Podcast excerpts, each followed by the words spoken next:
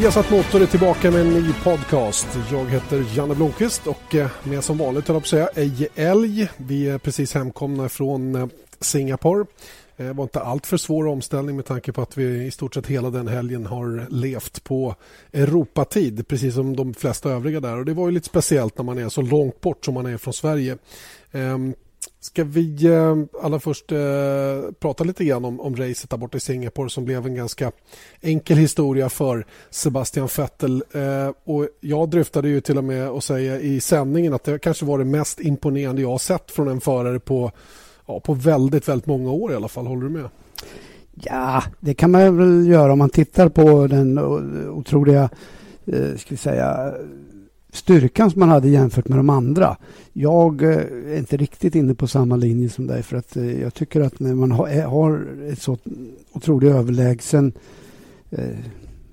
bil. Missförstå inte det här. Men, men vad jag menar, när, när man har ett paket som fungerar på det sättet som, som Fettel eh, hade i Singapore, ja då behöver du inte vara nära gränsen och då ser det grymt enkelt ut och det är grymt enkelt. Mm. Utan jag skulle snarare vilja vända på det och säga att eh, jag är lite eh, konfunderad hur de andra kunde misslyckas så kapitalt. Mm. Eh, om det var det de gjorde då naturligtvis. Det är ju det som är den stora frågan. Vad jag menar med att jag tycker att det var det mest imponerande jag sett. Det var ju kanske inte, det var inget i ögonfallande med körningen från Vettel eller några sådana saker.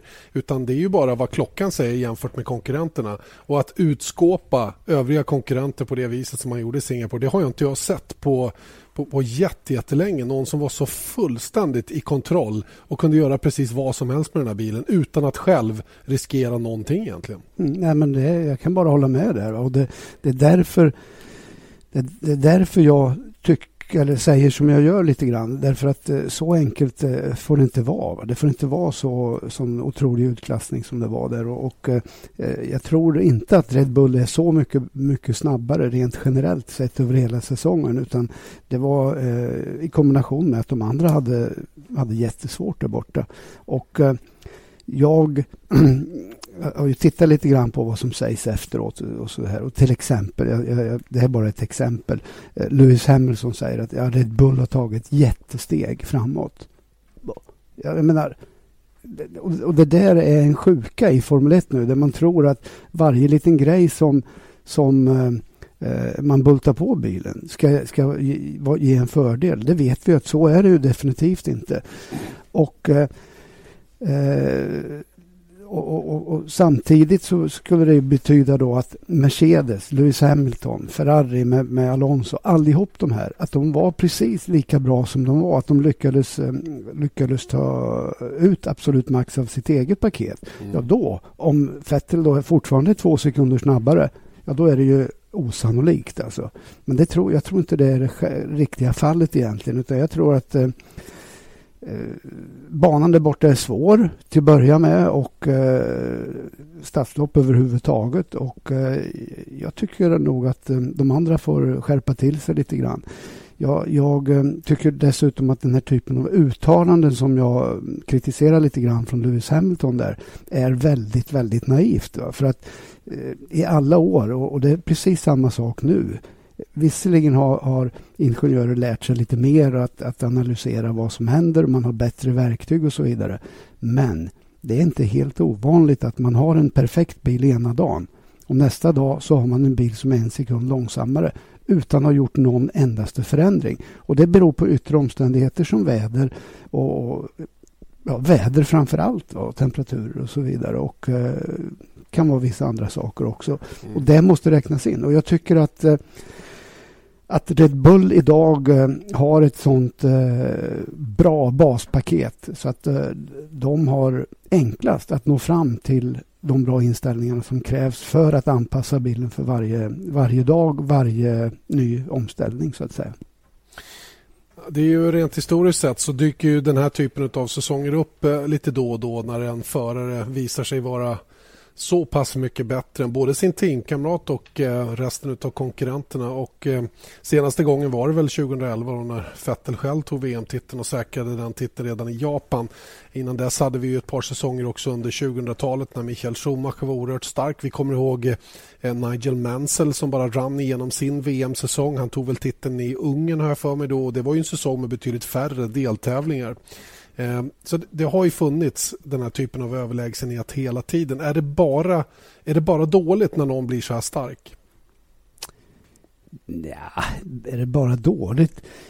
Jag har inga pers personliga... Personligen så har inte jag några problem för jag vet att så här ser sporten ut och precis som du säger, eh, det går i cykler. Eh, det är ett team som fungerar bra under en, under en under en eh, period och sen kommer ett nytt team och så vidare. Och eh, det är Formel 1. Eh, konstigare än så är det inte. Sen om det är bra eller inte, det, jag, jag tror inte direkt att det påverkar påverkar infrastrukturen i Formel 1. Däremot så kanske det blir eh, bland, rent publikt sett så kan det nog säkerligen dyka upp eh, lite misstycke eller vad vi nu ska kalla det. Ja, men du, vadå? Och, det, det behöver vi bara gå till oss själva i, herregud. Nog tyckte vi att fjolårssäsongen var betydligt roligare än den vi har i år. Ja, absolut. Absolut. Jag, jag menar, så är det ju.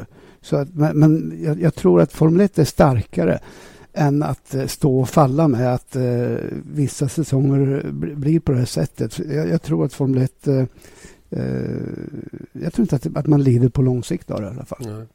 Eh, det fortsätter att buas åt Vettel också på prispallen. Vart han än kommer nu så har det ju blivit liksom en trend och jag tror att, jag tror att det här är en, det triggas av det första gången det händer. Sen så ska alla göra samma sak när man kommer till en ny tävling. Så jag tror inte att det är något generellt mer eh, illa omtyckt eh, Sebastian Vettel var han än kommer utan det har blivit liksom en fånig grej som man håller på med. Men inte det speciellt trevligt i alla fall. Och jag kan fortfarande inte riktigt förstå vad man buar åt.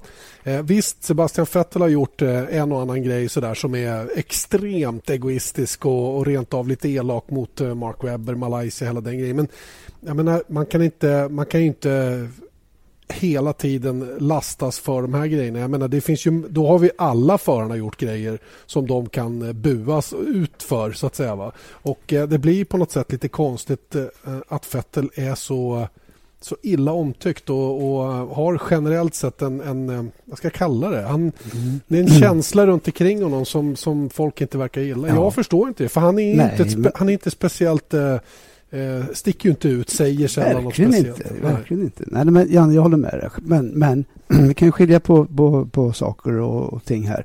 Italien, där är det ju naturligtvis så att eh, de vill ha en Ferrari längst fram och då, då buar man åt, åt honom.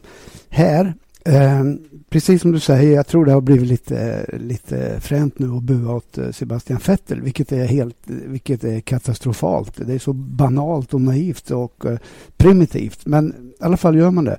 Du får inte glömma att, att här borta så är vi alltså en halvtimme från Kuala Lumpur. Och det var fortfarande samma, det, det, var ju bara början på året Janne som det här inträffade. Och det, mm. Du kommer ihåg vad jag sa? Mm. Det här kommer han att få äta upp. Och det får han. Men sen hur det påverkar honom, det är en annan sak. Han kanske skiter fullständigt i det, så det är väl inga problem. Men sen, sen har vi ju andra små faktorer där. Under flera års tid så har folk retat sig på att han sticker upp ett finger. Men hur kan man reta sig på det? Ja, men inte Hallå? vet jag. Men, men lyssna, det har ju blivit någonting i sociala medier och, och så vidare där folk hatar honom bara för att han råkar sticka upp ett finger. Det är ju helt otroligt. Snacka om, om primitivt. Ja, man tar sig men, för pannan. Ja, visst gör man det. Men det är ju ändå den här typen av, av eh, som han fortsätter att göra. Och det är väl de, de här sakerna då som gör att man skapar den här opinionen mot honom samtidigt som han eh, åker skjortan av de, de förarna som de älskar, Alonso, Räikkönen till exempel. Mm. Stora att, eh, karaktärer så att säga. Just precis. Va? Så att det, det är väl massa, men, men jag tycker att det är jag tycker att det är ynkligt att, att det förekommer. Jag menar, bua när som helst då, eller gör, gör vad du vill. Va? Men när efter ett, ett lopp som i Singapore, som i två timmar, där han verkligen har presterat en, en fantastisk eh, sportslig prestation, eh, står och tar emot priset, att då bli utbuad, det tycker jag är... Det är ynkligt det är ynkligt, det är dålig sportmanship. Ja, men visst sjutton är det det. Sen så kan vi titta på andra sporter där en eh, spelare som eh, gör en misslyckad tackling kan bli utbuad i 87 minuter av en fotbollsmatch och så vidare utav hemmapubliken då som kanske eh, då helt plötsligt hatar en spelare vid olika tillfällen. Så att vi, vi vill förskona den då ifrån dumheter när det gäller eh, så att säga, dåligt uppförande för den publiken som är på plats. Så vi får väl kanske bara ta den här biten och se vad det blir av det så, så småningom. Väldigt överlägsen är han åtminstone. Det var ju några andra som gjorde bra jobb eh, i Singapore där, även om ingen lyckades hänga på Sebastian Vettel. Vi, vi nämnde ju redan i sändningen då både Fernando Alonso och Kimi Räikkönen som trots eh, blygsamma startpositioner tog sig upp då naturligtvis lite hjälpta av att säkerhetsbilen kom ut och att teamet valde att plocka in dem i depån vid rätt tillfälle. Och um, Där gjorde ju Mercedes bort sig lite grann tycker jag. Jag vet inte riktigt hur de tänkte ute vid depådisken där när de lät både Hamilton och Rosberg stanna kvar eh, när säkerhetsbilen kom ut. Nej, jag vet inte det heller för det var ju ett eh, misstag. Eh, det var ju bara att konstatera och det, det hörde ju, eller det, det fattar man ju direkt. Va? Men jag ändå, jag menar det här är ju en så pass ska vi säga, enkel sak att räkna ut att det skulle vara ett misstag förutsatt att det inte skulle bli en eller två pacecar till. Va? För att då kanske man hamnar i en annan situation. Så att, eh, jag, jag vet inte riktigt hur man tänkte. Va? Men jag, jag, det måste finnas någon logisk förklaring varför man inte gjorde det mest naturliga att ta in dem. Eh, och vad det är, det har jag ingen aning om. Nej, jag menar, detsamma gällde ju faktiskt Sebastian Vettel. Nu hade ju han en helt annan fart i ja. sin bil så det löste sig i alla fall. Och jag menar, hade Romain Grosjean inte råkat ut för sina problem då hade ju Mercedes-bilarna halkat ännu längre ner. Och ja. Eh, det, det, får man väl säga om Alonso och Räikkönen att deras körning var ju jätte, jättebra naturligtvis. Framförallt Räikkönen då med ryggskadan som han hade. Han startade 13, han satt fast i början. Men på något sätt så lyckades han gneta sig framåt och omkörningen av Jenson Button höll ju hög klass får man väl ändå säga även om Jenson Buttons däck var på väg att ta slut just när, när Räikkönen till slut lyckades klämma sig förbi. Självklart, eh, det har du helt rätt i Janne. Och, och, och, eh, men eh, jag kan backa lite grann vad du sa där. När Fettel eller Red Bull också använde sig av samma taktik som, som Mercedes, att inte ta in Fettel. Då vet vi också att vad som hände efteråt var att det utbröt ju, jag ska inte säga panik, va, men det, det utbröt ju en situation där de ansåg, eller insåg att de var tvungna att pusha och verkligen eh, skaffa tillbaka den här luckan. Mm. Skillnaden var ju där att han, han, eh, han svarade upp till det omedelbart och hade så mycket kapacitet så han kunde med lätthet bygga upp den här luckan. Och sen var de tillbaka till eh, ruta ett så att säga. Och det tror inte jag att många hade klarat. Har eh, Red Bull och Sebastian Vettel avgjort VM nu? Ja, det, det, det klart att de har gjort. Alltså, förutsatt att inte någonting går käpprätt åt skogen. Alltså att eh, det blir ett par eh, brutna lopp. Vi såg ju själva vad som hände med eh, Mark Webber. Det finns anledning att vara lite orolig för tillförlitligheten och eh, ja, jag menar, skulle det bli en situation som förra året, vi kommer ihåg avgörandet i Brasilien, ja, då, det även den bästa, eller de bästa börjar darra lite grann och göra små misstag, misstag och säga att han skulle skulle bryta nästa tävling och, och eh, kamma noll samtidigt som Alonso vinner, vilket är en, en eh, full, fullt möjligt. Ja, då hamnar man ju i ett annat läge naturligtvis. Så att, eh, det är ju inte avgjort förrän det är avgjort naturligtvis. Men eh, självklart så finns det ingen som på eh, egen styrka kan, kan vinna VM eller ta VM ifrån honom. Jag eh, läser en artikel som Ed Straw har skrivit på Autosport idag där han skriver att eh, Ferrari must take blame for 2013 failures. Alltså Ferrari får ta på sig skulden för att man inte riktigt är med. Och eh, Han har tagit fram en eh, relativ fartgraf så att säga då, som är baserad på varje tävlings snabbaste varv då, som så att säga noll och eh, där hade ju Mercedes ett, ett riktigt bra övertag under en lång period av den här säsongen. Ända fram till kan man säga Tyskland Tyskland-Ungern, där hamnade brytpunkten. Eh, där kom också de nya däcken. Eje. Och efter mm. Tyskland-Ungern så ser man tydligt vilka som har hittat rätt och helt plötsligt bara försvinner iväg i fjärran ifrån de övriga och det är Red Bull Racing. Mm. Så att det, är väl, det är väl en tydlig sak som ändå har skett som mm. inte har gynnat till exempel Ferrari, inte heller Lotus och kanske inte Mercedes heller. Men hur kan han då säga att Ferrari får skylla sig själva? Nej, det var väl inte riktigt så han menade. Jag, jag, jag, bara, jag bara tog rubriken på artikeln. Va? Utan ja, det intressanta ja. var själva grafen här. Vad man kan tydligt se eh, trendmässigt att däcken har ändå påverkat eh, utgången av andra halvan av säsongen. Visst är det så. Och om vi tittar på till exempel ett annat team som har drabbats, eh, Force India, så var man, eh, höll man huvudet högt och sa att eh, det är inget att gnälla över. Det är möjligt att vi, men, möjligt att vi, att, att vi tappar lite grann men det är bara att bita ihop och vi kan inte skylla på det. Eh, och Det var för ett par månader sedan alldeles efter det här inträffade med att man bytte tillbaka till eh, eh, fjolårets däck i, i princip. Idag däremot, nu börjar man bli, bli, lite frustrerad och idag så säger man att ja, det där man tyckte att det var för jäkligt att eh, Red Bull lobbade för att få gå tillbaka till den gamla däcks, eh, däckstypen och så vidare. Så idag är man lite tjurig. Så det, det är klart att det påverkar. Det, det är inget snack om den saken. Men samtidigt så var man tvungen att göra någonting, Janne, därför att det var en säkerhetsrisk. Däck flög ju bitar.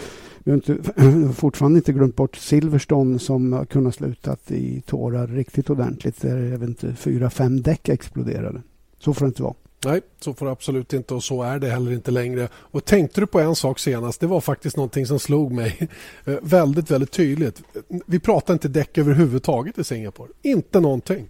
Ja, men det var ju, för, det var ju inte bra, Janne. Ja, men, det, nej, men, men, för det är det folk säger till mig när man träffar dem på gatan. Ja, jag vet inte, ni snackar ju bara om däck. Så. Ja, men det kan jag också höra många gånger. Gud vad ni tjatar om däck hela tiden. Och det är klart att så är det ju, va? för det är en oerhört stor del av vad som gör en bil snabb eller inte. Men det är ju helt tydligt så att det har stabiliserat sig en aning när det gäller däck och, och det här dramatiska slitaget som vi har sett under många tävlingar. Och frågan är om vi kommer tillbaka till det igen. Det har det definitivt gjort. Och, och sen dessutom, Janne, när man då har en, och det har jag alltid framhävt, att eh, när man har ett ordentligt gap emellan däcken och en ordentlig skillnad på de två, ja, då blir det lite intressant och då blir det riktigt eh, eh riktigt strategispel där, där de verkligen får tänka till och, och, så vidare.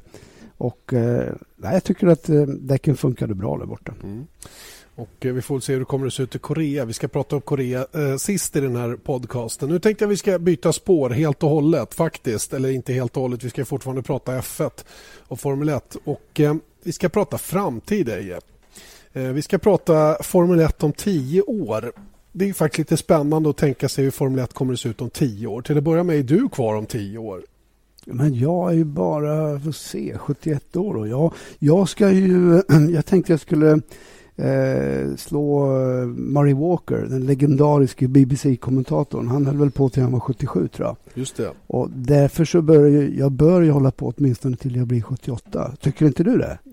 Jag tycker definitivt det. Du är ju min, ja. min allra bästa och största stöttepelare i det här yrket. Så att, eh, absolut. Ja, utan mig vore det inte så mycket alltså. Det är, konstaterat. Jag skulle Men, stå mig slätt. Jag skulle stå mig slätt. Jag hoppas bara att du inte får köra med rullstol de sista åren där. Nej, det vore väl i och för sig lite... lite det, vore, det vore inte värdigt om det skulle vara på det viset. Sen är det ju frågan ja, om publiken men, tycker samma sak. Ja, nej, men inte vet jag, Janne. Jag, jag, jag, tycker det är jättekul.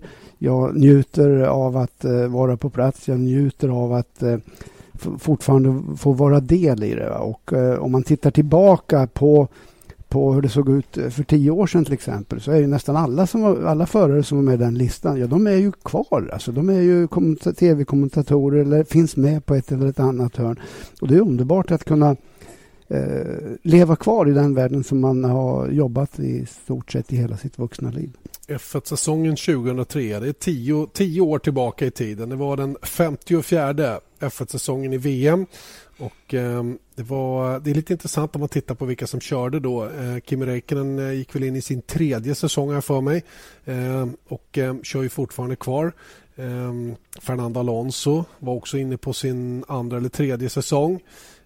vi hade Björn Wirdheim som Vilket år tittar vi på nu? 2003, det är alltså tio år tillbaka idag. Björn Wirdheim hade varit eh, och testat lite grann för Jordan vet jag. Varit på Monza eller om det var på Imola han hade kört lite grann. Eh, Mark Webber fanns med. Eh, några av gubbarna som kör idag fanns med redan för tio år sedan. Jenson Button till exempel. Ehm, och, ehm, ja, det fanns några gubbar, men inte jättemånga som är kvar. Och Då tänker jag mig så här, om vi blickar framåt tio år. Då, hur många av de gubbarna som kör nu kommer att vara kvar om tio år? Är Fettel kvar om tio år? Ja, det tror jag definitivt att han är. Eh, det finns ingen anledning att tro att han skulle, skulle droppa av. På, det, det, tror jag inte. Jag menar, han är ju... Nej, jag, jag, är övertygad om att han kommer att eh, gå för att eh, slå Schumachers eh, rekord. Mm. Michael Schumacher som vann just det här året 2003 för Kimi Räikkönen. Ni minns den här otroliga avslutningen i Japan när Schumacher fick lite gummiarm helt plötsligt. Slutade först på en åttonde plats då. Kimi Räikkönen tog, tog andra platsen i det racet och förlorade VM med två poäng bara. Så det var en, var en tight avslutning där. Eh, Okej, okay, vi, vi lämnar det då. Det är ju egentligen eh, rätt eh, ointressant vilka förare som är kvar eller inte och sådana saker för att det handlar ju mer om hur hur gammal man är idag och så vidare. ja, dessutom Janne så har det en ganska stor betydelse för hur Formel 1 kommer att utvecklas. Eh, och, och, det är ju en svårare sak att, eh, att se in i, i framtiden egentligen, för det har vi ju ingen aning om. Va? Men, men det kommer också påverka för att eh, det, om, om vi tittar tillbaks igen. Jag, det är inte så mycket bakåtsträvare så att jag stoppar alla försök för dig att gå framåt nu. Men, men om vi går tillbaks igen va, så är det ju naturligtvis så att eh, en stor del av eh, vad, vad som har hänt eller vilka som är kvar och så vidare har ju påverkats av att Formel 1 eh, förändras under olika perioder. Jag tänker på bil, eh, bilfabrikanters medverkan för eh, fem sex år sedan jämfört med idag till exempel.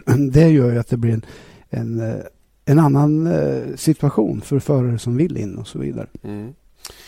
ska vi börja med det? Återväxten. Hur, ehm, hur kommer det att se ut om tio år? Hur, vad, vad tror du Formel 1 har gjort på tio år för att få in nya förare i Formel 1? Ja, jag vet inte riktigt vad, vad man ska tro, men jag tror att vi har kommit till ett läge nu där eh, Formel 1 själva inser att det spår man har varit inne på under de sista tre, fyra åren eller vad det nu handlar om är katastrofal. Eh, det blir alldeles på tok för svårt och eh, gör man det, gör man ingenting åt det, då har vi bara 50-åringar eh, Formel 1-förare snart. Men det första steget har definitivt tagits. Man har diskuterat det här under flera flera år nu.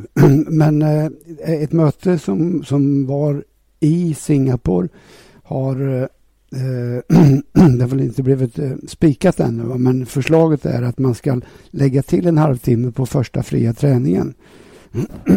Förlåt.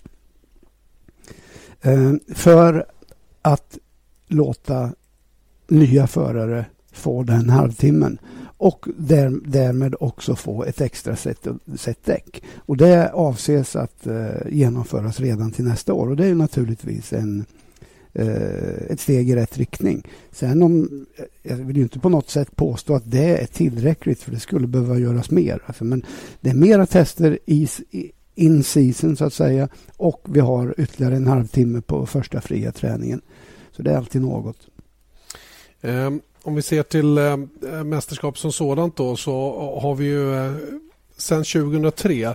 Jag vill minnas att 2002 då när Toyota hoppade in så spenderade de eh, lika mycket pengar då för att ta sig in i F1 som det skulle behövas för att driva tre stall idag. Tre toppteam idag faktiskt. Mm. Vi, vi pratar sådana stora pengar. Eh, ja. och Det där är ju någonting som har varit rätt signifikativt då, från 2003 fram till 2013. Tror du att den trenden kommer att hålla i sig fram till 2024 års säsong? Att man fortsätter att eh, så att säga halvera teambudgetar eller vad vi nu ska prata om. För vi pratar ju faktiskt en, en reducering med kanske två tredjedelar mot vad Toyota spenderade då sitt första år. Ja, det är ju så att eh, det här du pratar om det var ju, det var ju alltså i början på 2000-talet då eh, Eh, så så att eh, bilfabrikanterna stod nästan på kö och ville in. Och eh, det var för många team, eller man ville inte ha fler team och därför så, så krävdes det alltså en deposition på flera miljarder kronor bara för att få, få vara med. För att garantera att man gjorde det på allvar så att säga. Och eh, sen så har, har, ju det här, eh, det har inneburit att många, eller inneburit, men vad som har hänt sen är ju då att eh, till exempel Toyota som ett väldigt bra exempel. Man lyckades inte tillräckligt bra och det som man trodde skulle bli en goodwill för företaget blev nästan en badwill. Varför vinner aldrig Toyota? Är Toyota så dåliga så de inte kan vinna trots att de spenderar mer pengar än alla andra. Mm. Så det blev ju en, en badwill istället och så drog, drog de sig ur. BMW drog sig ur, Renault är borta, eh, Honda är borta även om de, kommer tillbaka som motortillverkare och så vidare.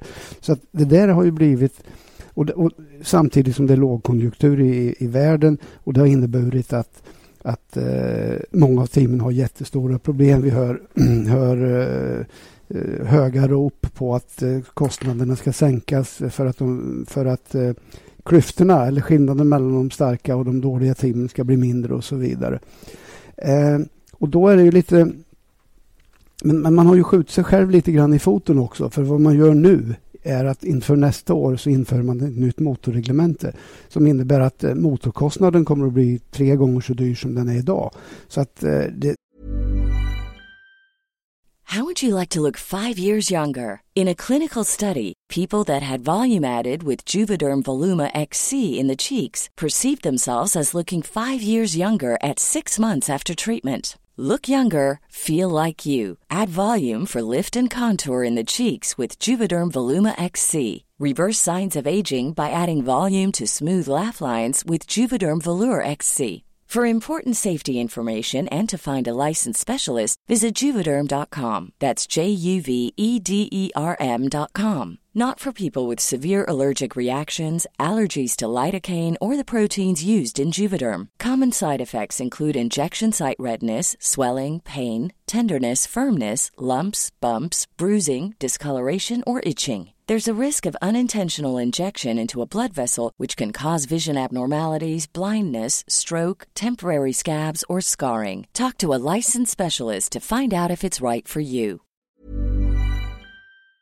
Det, det ser inte speciellt hoppfullt ut alltså, och jag vet inte riktigt var det ska sluta. Men någon form av omdisponering av de pengarna som, som eh, teamen å, får, får åtnjuta eh, eh ifrån Formel 1-organisationen kanske måste omdisponeras lite grann för att göra det enklare för de, de små svaga teamen.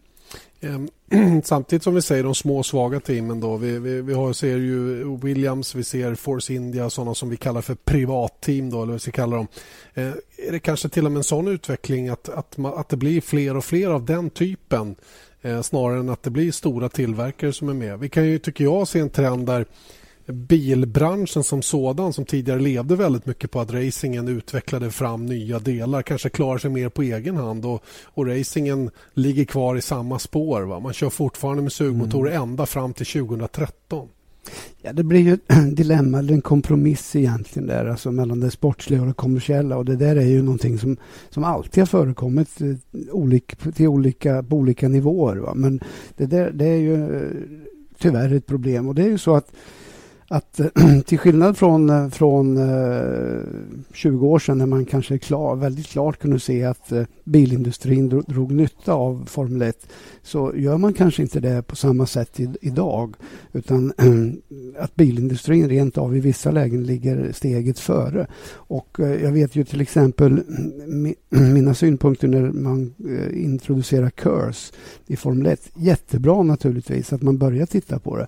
Men enligt mitt sätt att se det så var det alldeles på tok för sent. Det här skulle ha gjorts långt, långt innan. Mm. Nu kommer det någonting som naturligtvis inledningsvis inte kommer att vara en konkurrent till Formel 1, alltså Formula I. Men det är ändå ett, ändå ett initiativ som visar, visar sig ha attraherat många stora spelare eller företag, bolag och, eh, och även team. Och de kommer säkert att få det kämpigt inledningsvis men på något sätt så måste måste bilindustrin kunna identifiera med Formel 1 på, på ett större sätt för att åtnjuta eh, fördelarna med att ha eh, bilindustrin som, som eh, del av finansieringen. Annars så kommer det inte att gå. Och eh, motorreglementet nästa år har ju definitivt närmat sig eh, vad bilindustrin önskar. Så att eh, man försöker väl så gott det, det går. Va? Men Ja, det är väl kanske inte... Eh, återigen då, då kommer vi in på det här att det kommersiella och det sportsliga eh, blir, eh, eh, blir ett problem. Va? För att jag menar, till och med till och med en tvivlare som Bernie Ecclestone som driver det här. Hur länge höll inte han på att tjata om att nej, det, åt, eh, det går inte att göra det här. Vi måste bibehålla Formel 1-ljudet. Hallå? Ljudet. Kan Mm. det vara det som avgör? Det kan det väl? Nej, nej. Avgör du- om Formel 1... Nej, nej, nej. ja, men nej, du, nej, gör en undersökning bland världens Formel 1-fans så ska du få se vad det blir för Ja, svar hur, hur. Okej, då frågar jag dig. Hur, hur ointressant var Formel 1 när alla körde med turbo förra gången? då? Jag säger inte att det är ointressant. Jag säger bara att, o, jag säger bara att ljudet är en otroligt viktig del för Formel 1-fansen. Jag, jag hävdar definitivt att om det är på det sättet att Formel 1 står och, står och lever med att, att ha ett Formel 1-ljud, ja, då kan de lika gärna börja gräva en grop nu och, för att begrava sig, för det är för ynkligt. Då ska man inte, då ska man inte operera eller jobba på den nivån som man gör nu. Formel 1 är höjdpunkten av, eller det, det största inom bilindustrin. Och då, då, då, då måste man kunna erbjuda en underhållning till publiken som inte är upphängd på att ljudet är det fina. Så du har inga som helst problem med att bilarna skulle vara eldrivna då och pysa runt på banan? Ja, men det har jag aldrig sagt. Åh fan! Ja, men det, nu, nu trampar du mig på en väldigt öm tå där, Janne. Själv, det är ju så att jag tycker ju själv att det är underbart med, med det här Formel 1-ljudet. Det är ingen diskussion om det. Va? Men vad jag säger är att, att det kan inte vara, vara något så banalt som, som ljudet som, eh, som eh, bestämmer hur Formel 1 ska utveckla sig. För att då är man riktigt farligt ute. Va? Så, utan man måste istället se till vad eh, för att kunna behålla, behålla sig på den eller stanna kvar på den nivån man är så måste man kunna an, anpassa sig till världen i, i stort så att säga. Eh, Mm. fast visst, man kan ju börja köra med Formel 3-motorer och, om man vill det och så går det 10-12 sekunder långsammare. Och, eh, Nu ska vi inte vara riktigt... Nu ska vi inte gå till de Ja, allra värsta du- ytterligheterna. ja, men du Nej. sätter ju mig på podcasten. Ja, men Formel 3 är Formel 3, Formel 1 är Formel Ja. 1. Okej, eh, okej, då, då har vi rätt ut den biten i alla fall. Ljudet får inte påverka eh, utvecklingen kan vi konstatera att du tycker och det kan väl jag hålla med om också. Jag blir nästan lite man blir nästan lite rädd när folk är så oroliga över att det ska komma V6 med turbo. Det kommer att låta något alldeles vansinnigt om de bilarna också. Och jag vet efter alla år som jag har hållit på, alla förändringar som görs, de vänjer man sig oerhört fort vid och det är inget större bekymmer. Låt säga då att vi, eh, det ska konstrueras en bil då till säsongen 2024. Eh, och eh, du, mot utgångspunkt för hur det såg ut för tio år sedan och hur bilarna ser ut idag. Hur tror du att den bilen kommer att se ut på ett ungefär i stora drag? Jag fattar att du inte kan göra det. Nej. Kör, kör vi fortfarande med turbo till exempel? Jag... eh, Ja, det, det är jag inte hundra på. Alltså. Jag får inte glömma bort att eh, i flera års tid nu som man diskuterat diskuterat, sig, eh, diskuterat hur man ska kunna anpassa sig till ska vi kalla det nya världen. Då. Man har till och med diskuterat att ha eldrift i pitlane. Eh, det föll beroende på eh, säkerhetsmässiga, eller på säkerhetsmässiga grunder och så vidare. Men det tycker jag är ynkligt att man inte då kan reda ut den säkerhetsmässiga biten och göra, göra och anpassa sig till det som nöden kräver så att säga. Så att det kanske är så att man man kanske går ifrån de här, eller jag, jag vet du vad, jag tror, jag tror att man kommer att ha Formel 1 kommer fortfarande vara Formel 1, kanske det, det, det bästa som går att få. Eh, och Formel 1 har anpassat sig till att vara en, en tävlingsform där bränsleförbrukning och eh, återvinning av effekt är en betydligt större faktor än vad den är idag. Mm. Och eh, jag tror att de som inte har anpassat sig till det, de kommer att försvinna. Så att, Mm. Och därmed är risken borta att vi ska ha eh, fem andra klasser som åker fortare än Formel 1. För att de kommer inte att överleva. Utan jag Hur tror att bilen- man, man, man, kommer att gå åt det hållet. Hur kommer bilarna att se ut då rent eh, utseendemässigt? Ser de ut ungefär som idag? Ja, jag vet inte. Det, det, det här är ju... Du är inne på en väldigt svår fråga för att Eh, det, det, jag menar, har vi olika typer av energikällor så kommer det säkerligen att påverka hur bilarna utformas också. Idag så är ju en Formel 1-bil är ju nästan som en tegelsten. Alltså den, den eh, går ju inte genom luften utan den är byggd för att skapa ett tryck mot marken eh, som gör att den, att den blir snabb genom kurvorna. Och eh, det, det kanske man får titta på, på något annat. Eh, inte vet jag, kanske vingarna eh, försvinner för att vingar är ju sånt som inte finns på en vanlig bil i alla fall. Eh, och man, man eh, försöker hitta andra, andra sätt att vara snabb på. Så, jag menar, tio år är en ganska lång tid. Alltså, jag tror inte att Formel 1 bara kan jobba på i samma, samma mönster som man har gjort eh, senaste tio åren. Utan det, jag tror att det är läge för att hitta någon ny form av, eh, av eh, koncept för att, för att överleva. Eller för att hålla sig på topp alltså. På tio år, skulle de kunna halvera bränsleförbrukningen? Det tror jag säkert. Det tror jag säkert. Jag menar, titta Janne, nästa år så kommer de, kommer de ha fem, bi, förlåt, fem motorer tillgängliga. I år har de åtta motorer. Gå tio år tillbaks, hur såg det ut då? Ja, det var menar, 17 per helg. Ja, det är det jag menar. Ja. Och eh, då, då, då, tyckte man folk, ja men det är ju otänkbart alltså. Det är inte alls otänkbart. Allting är relaterat till hur mycket effekt man vill ta ut. Mm. Du kan få en, en Formel 1-motor att gå i, i, fem år om du vill. Då går det inte, inte särskilt fort. Va?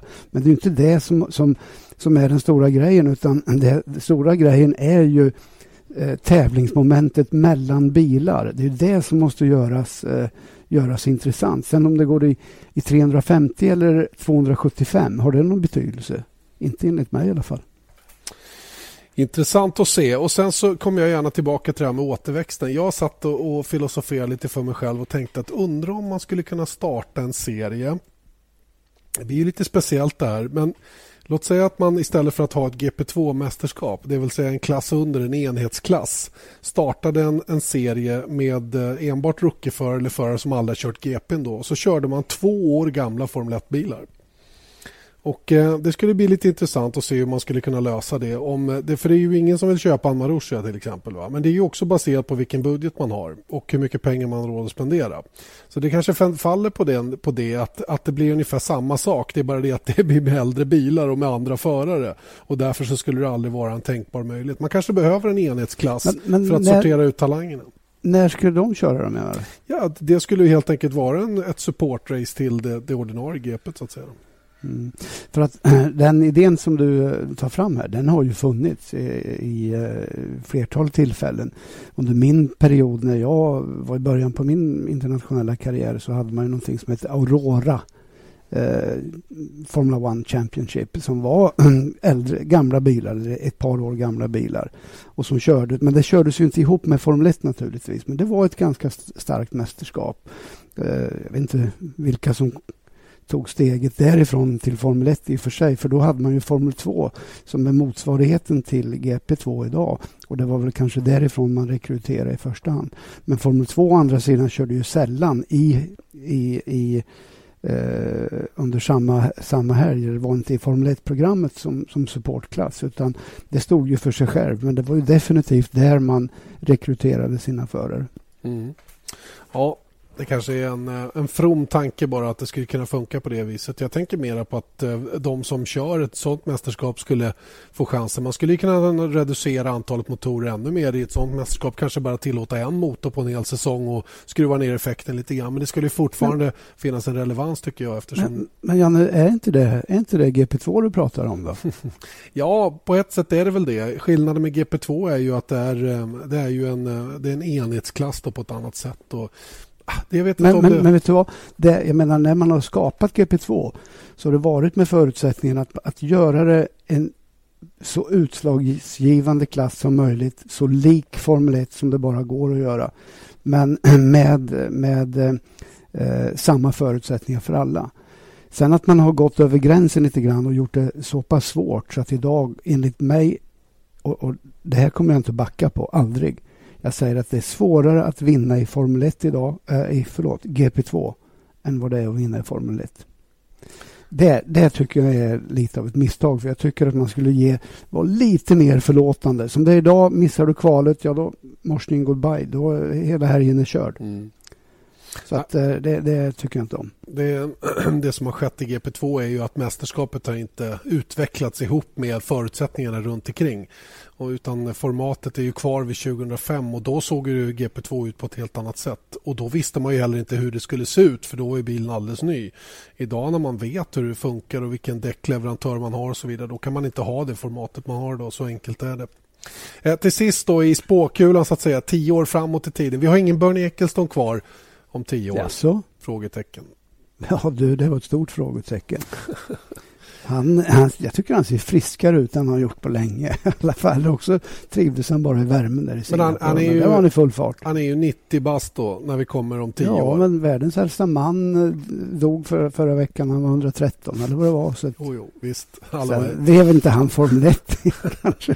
Nej, men om vi ska vara lite seriösa då så, så, är det ju så att han, har ju, han påverkar ju allt. Varenda litet eh, VIP-pass som ska eh, som ska godkännas inför en tävling ska Bernie Eccleston skriva på. Han är ju inne och petar i precis allt som sker runt omkring. Människan är 80 år, jag vet inte om han är strax under eller strax över, men någonstans i krokarna. Och Han petar i det mesta och han bestämmer med järnhand om det som händer. Och Han har framförallt sett till att en väldig massa folk har blivit rika under de här åren som han har skött Formel 1. Vad, vad kommer att hända när han slutar? Ja du, jag tror inte det finns någon som är klar att eh, ta över det och driva det eh, exakt med samma järnhand och med eh, fingrarna i, i eh, gröten överallt. Det, det, tror jag inte, utan jag tror snarare att det blir en kanske en, en, en, eh, en grupp av människor och då tror jag med största säkerhet att det blir människor som som eh, har funnits med i Formel 1 under en längre tid. Jag, jag, jag, säger, jag säger inte Ron Dennis, men jag tar honom som ett exempel. Någon som har varit med tillräckligt länge och eh, vet hur slipsten ska dras. Och, eh, och som sagt var, och, och att, att man delar upp det i, i en grupp som med lite olika ansvarsområden. Ja, det ska bli spännande att se faktiskt vad, har och, och vad, vad, vad, vad, som kommer att hända då just i det avseendet. För jag tror att Formel 1 står inför en ganska stor generationsväxling på ledarsidan och eh, vad, som, vad som kommer att hända. Och Det är ju mycket det som kommer att påverka hur Formel 1 ser ut om tio år. Hur mycket vågar de här nya människorna som kommer in verkligen göra förändringar? Eh, mm. För, för, för, vi kan inte påstå att Björn Eccleston har varit jätteförändringsbenägen egentligen. Han har varit ganska rädd om sitt varumärke och han har vårdat Formel 1 eh, väldigt hårt och det är fortfarande extremt svårt att komma in där inne och vara en riktig VIP så att säga. Och det är någonting som han jobbar jättemycket med. Jag, jag tycker ordet hänsynslöst eh, är, är eh, skulle man lätt kunna koppla till sättet som han har drivit det. Det, det, det finns ingen som helst eh, förmildrande omständigheter för någonting utan han, han, har en väldigt, väldigt rak linje som han följer. Och det tror jag att eh, inte många skulle klara av att, att göra. Och, eh, samtidigt så vet jag inte hur länge det kommer att hålla heller utan precis som du säger, jag tror att man kanske be, behöver eh, eh modernisera sig lite grann. Och, och, sen får vi inte heller glömma bort Jan, att eh, FIA, Internationella Bilsportförbundet, kanske har en viss roll i det här. Just nu sköts det med, genom eller av eh, Jean Tott. Ehm, men han utmanas ju. Vi har en gubbe som heter Ward. Mm, David, David, Ward. David ja. Ward, just det. Mm. Som utmanar honom och eh, det ser man ju redan så börjar han ha synpunkter på förfaringssättet inför omvalet. Menar på att eh, så här får det inte gå till. Jag menar han kan ju inte samla röster innan valprocessen har dragit igång och så vidare. För då börjar ju han på, på en helt annan nivå än vad den här Ward gör och så vidare. Så att där, där kommer det väl kanske också finnas en... Eh, det är ju så att Bernie fick ju de kommersiella rättigheterna av Fia när Max Mosley satt där för 100 år. Och då, redan då var han väl 75 år eller 70 år eller mm. någonting. Så bara det är ju helt otroligt. Det är ju ofattbart hur någonting sånt kan inträffa. Men någonstans så måste ju det där också eh, hamna på en någorlunda normal nivå så att säga. Förhållandet då mellan eh, FIA och eh, Formel 1. Är du rädd för vad som kommer att hända när Bernie slutar? Nej, inte det minsta. Formel 1 eh, ser jag som en, ett oerhört starkt varumärke. Och eh, vi har ju Formel 1 överallt. Eller Formel 1 är ett begrepp oavsett vilken sport du håller på med. Störtlopp, skidåkningens Formel 1 och så vidare. Så mm. vidare. Så att eh, Formel 1 eh, Formel 1 kommer att överleva. Man har tävlat med bilar sedan eh, den dagen man eh, andra bilen byggdes i stort sett för att tävla de mot varann, ettan och tvåan. Uh, och på det sättet kommer det väl att vara. Det är någonting i mänskligheten som gör att vi, vi, vi tycker om att, att tävla med bilar mm. eller med fordon. Vi tycker om att tävla rent generellt och uh, det finns ju olika intressen. Är man då bilintresserad så gillar man att tävla med sin bil.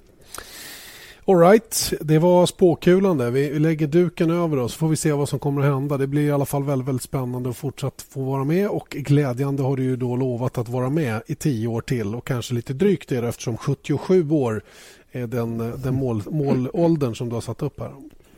Ja, jag kanske kommer att revidera mitt beslut eh, under resans gång som det fint heter. Men, men ambitionen finns definitivt.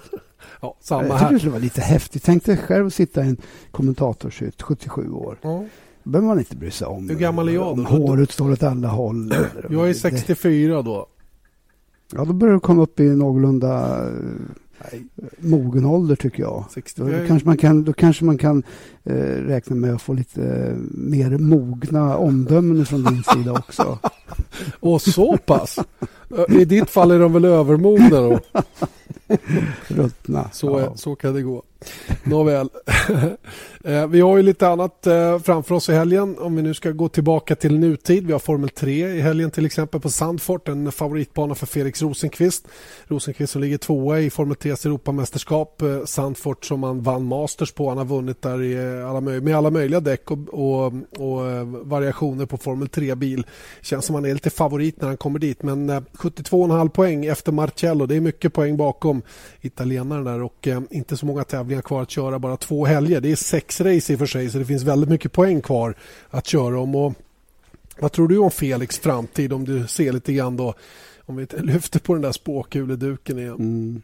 Ja, jag är, sånt där är jag lite dålig på. Så jag, jag, först och främst skulle jag vilja säga att eh, när det gäller Sandfort så håller jag med dig och jag tror inte att det är någon som knäpper honom på fingrarna där. Han är riktigt stark där. Sen, om, om, eh, sen naturligtvis har han en tuff uppgift att försöka ta hem mästerskapet. Det, det, tycker jag inte man kan begära av, av, av honom att han ska klara med den situation han sitter i just nu.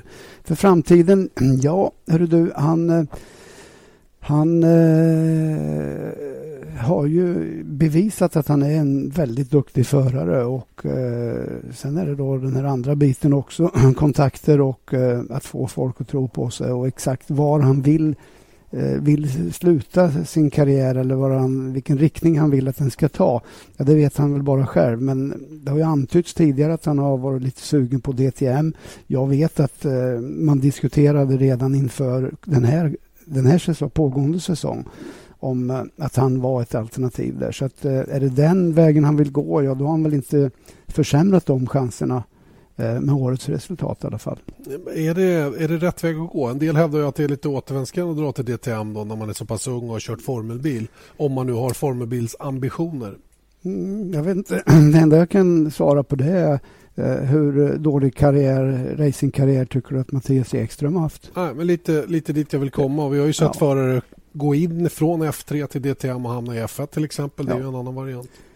Det tror jag kanske inte blir lätt lättare med åren att, att gå den vägen. Va? Men man, man ska inte förringa, förringa DTM, för DTM är ju ett oerhört starkt misstag, misstag eh, mästerskap. Freudiansk där. Ja, eh, jätte, jättestarkt mästerskap och eh, man är lika professionell racerförare där som man är i Formel 1. Men jag menar, vadå? Skulle bandyspelare vara sämre än hockeyspelare? Ja, ja, ja, utan tvekan. Ja, du menar tvärtom va? Nej. men du är ju bandyspelare. Nej, men nu sa du ju verkligen någonting. Bandyspelare är alltid bättre än hockeyspelare. Jag hörde någon som sa igår att eh, de som spelar bandy det är sådana som är rädda för att spela hockey. Det tror inte jag. Jag tror det är tvärtom. Ja, skulle du vilja stå i vägen för en bandyboll? Nej, ja, jag har provat många gånger och det gör fruktansvärt ont. Jag kan lova det. Jag tar hellre en, en smäll med en, en stor hockeyhandske än en än en, eh, ett eh, kanonskott med en bandyboll i pannan. Ja, å andra sidan, hockeypucken är inte heller så hård eller så mjuk och god att få på sig. Hörru, det har varit en pseudodiskussion som inte har speciellt mycket relevans i den här podcasten i vilket fall som helst. Hur som helst, eh, de kör både DTM och Formel 3 Europamästerskapet alltså på Sandfort kommande helg. Ni ser alltihopa då i våra kanaler under helgen och eh, dessutom har vi ju eh, MotoGP från Aragon så det kan väl vara de sedvanliga kanalkrockarna när det gäller Formel 3 och MotoGP. MotoGP då som kommer att visas i Viasat eh, Motor och eventuella krockande race då i Formel 3 kommer naturligtvis att gå på Viasat Sport. Och det finns som sagt mycket att se. DTM, Formel 3 och MotoGP. Och sen har vi då nästa gång det beger sig då när det är Formel 1 så är det från Korea. Och det är ju Jongam som det heter stället i, eh, i Korea då som man kör en fullständigt absurd plats att köra Formel 1 på. Jag tror inte någon har varit där sen sist. ja, nej. Ja, jag, jag, kan bara hålla med. Jag skrattar lite för mig själv. Ditt eh, ordval. Ja, men är det inte det då? Det är ju jo, helt... men det, visst är det det. Det är jättekonstigt alltså. Ja. Nej, men ja, banan är bra. Jag tycker det, det, blir bra racing där och vädret kan ställa till. Det är helt andra förutsättningar än de som rådde senast i Singapore. Så det finns väl anledning att tro att några av de andra teamen kanske kan repa lite mod och störa Red Bull lite grann då inför avslutningen på den här säsongen. Eh, inte så mycket att tillägga. Eh, vad, vad pysslar du med annars på dagarna nu? Vad pysslar med? Ja, men alltså, gör du något viktigt eller? Måste jag tänka till. Vet du. Hantverkare hörde jag något om. Ja, just det. Och sen ska jag hämta, jag ska hämta brickor så jag kan lägga ut nät och mjärdar i sjön. Det är ganska produktivt. Oh, det är viktigt. Det är viktigt. Ja. Får du någon fisk någon gång? Det undrar man ju. Jag, vet, jag kan inte, får inte fiska om jag inte har de där brickorna, ja, så det kan jag inte svara på. Du har nog tjuvfiskat. Ja, nej, nej det, det kan jag inte officiellt erkänna. Fick du några kräftor i år? Jag har inte provat det heller. Du har inte testat, men du har ätit kräftor? Ja, ja, ja. ja Svenska ja. också eller? Ja, röda var de i alla fall. Det är väl svenska. Och de var besvärliga att skala precis som vanligt. Ja. ja. Nåja, det är som det är det. Vi, eh, vi får helt enkelt um, backa tillbaka. Jag ägnar mig åt cykel-VM den här veckan. Det tycker jag är lite kul faktiskt. Jag har gjort de båda tempoloppen nu då. Tisdag, onsdag och sen uh, är det ju linjeloppen lördag, söndag. De får man gärna hoppa in och ut i. För att sändningen på söndag den blir till och med längre än Kanadas Grand Prix för något år sedan. Det blir väl dryga sju timmar tror jag. Cyklisterna ska köra 27 mil då och det blir någonting att se fram emot. Vill du vara med eller? Nej, inte vara med och kommentera, men jag ska, jag ska titta på det definitivt. Alltså. Missa inte det. Cykel-VM alltså i TV10 också nu till helgen. Eh, Okej, okay, då rundar vi av. Tack så mycket säger vi då ifrån eh, Viasat Motor och denna podcast. Eh, Janne Blomqvist